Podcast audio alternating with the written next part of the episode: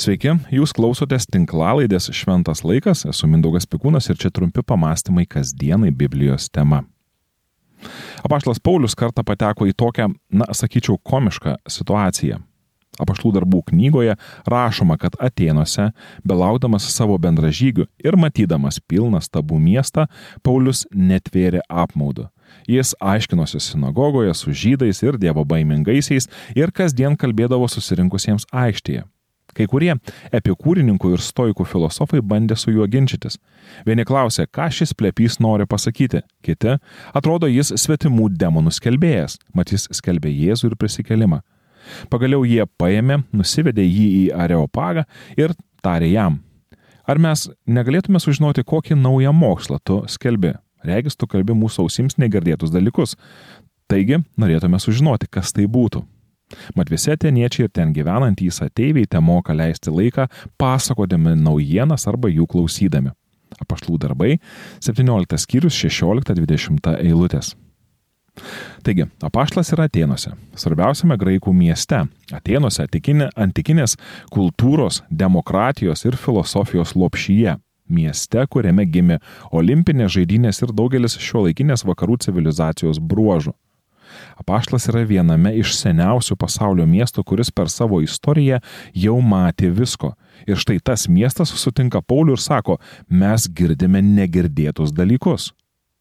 Ir visa apie ką paštlas kalba, tai apie Jėzų ir prisikelimą. Ir komiškumas šitos situacijos yra tame, kad prisikėlimo idėja graikams yra tokia svetima, negirdėta ir nesuvokiama, kad jie akimirkai pagalvoja, jog apaštlas Paulius jiems nori papasakoti apie naujus dievus.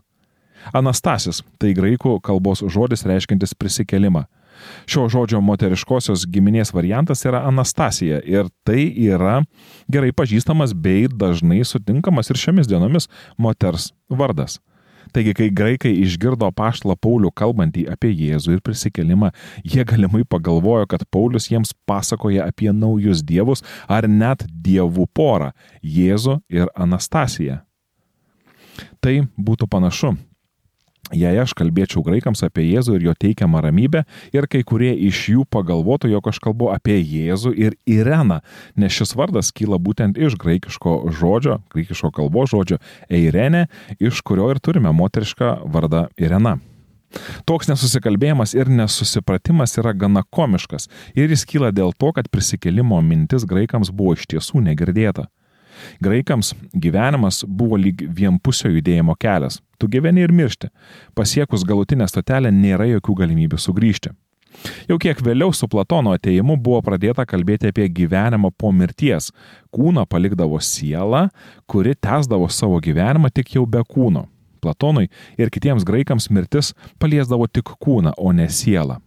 Štai kodėl graikams apaštlo Pauliaus žodžiai apie kūno prisikelimą atrodė nesuprantami ir ne tik graikams. Visame tuometinėme pasaulyje mintis apie kūno prisikelimą buvo svetima.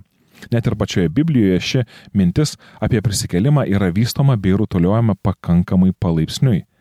Evangelijose yra užfiksuoti Jėzaus susitikimai su žydų religinėmis grupuotėmis. Žymiausios iš jų buvo sadukėjai ir fariziejai.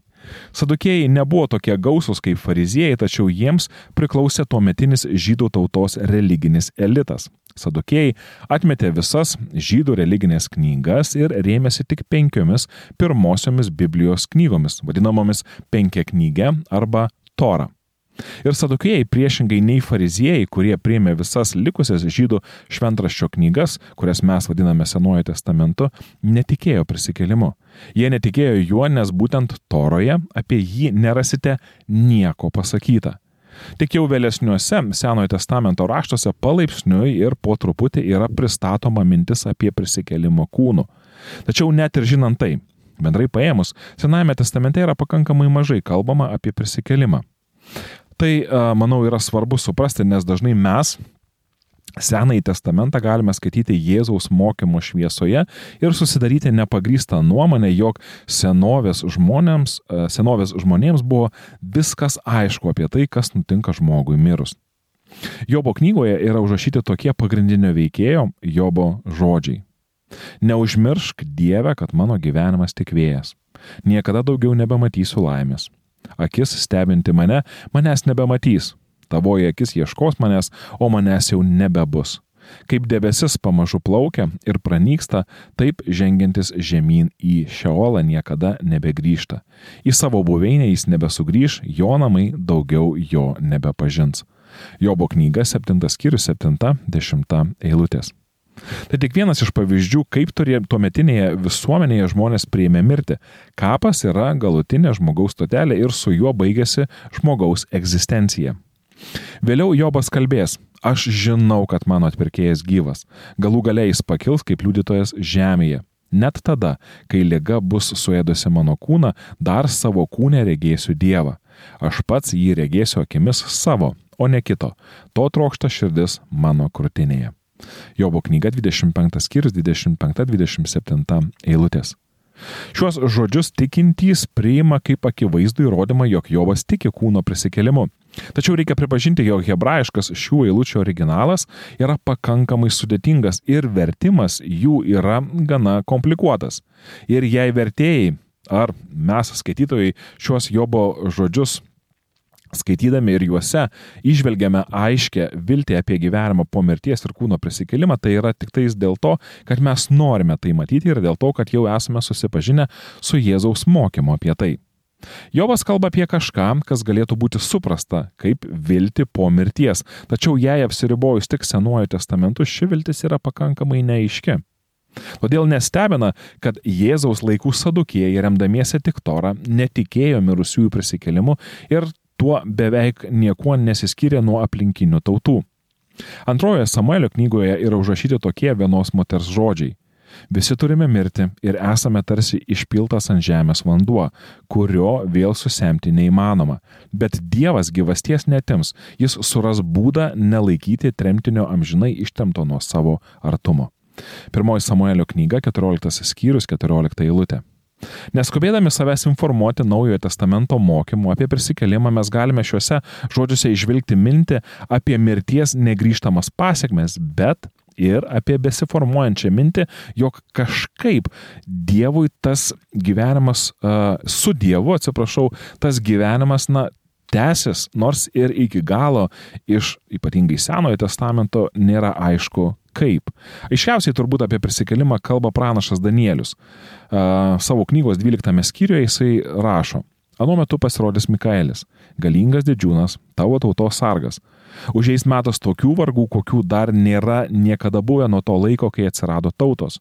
Bet anuo metu tavo tauta bus išgelbėta. Visi, kurie tiki, yra ir, ir yra įrašyti uh, gyvenimo knygoje. Daugelis mėgančiųjų žemės dulkėse atsibus, kai kurie amžinam gyvenimui, kiti gėdai ir amžinai negarbiai. Danieliaus knyga 12 skyrius 1-2 eilutės. Danielius įkvėptas Dievo dvasios mato paskutinės žemiškos istorijos dienas ir regi prisikelimą, kūno prisikelimą. Šie žodžiai lyg atgarsis kito pranašo Izaijo žodžių. Tavo mirusieji gyvens, kūnai jų prisikels, nes tavo rasa, rasa švytinti šviesa, todėl ir šešėlių šalis mirusiuosius atiduos. Pabuskite ir šaukite iš džiaugsmo visi, kurie gulite dulkėse. Pranašo Izaijo knyga 26 skyrius 19 eilutė.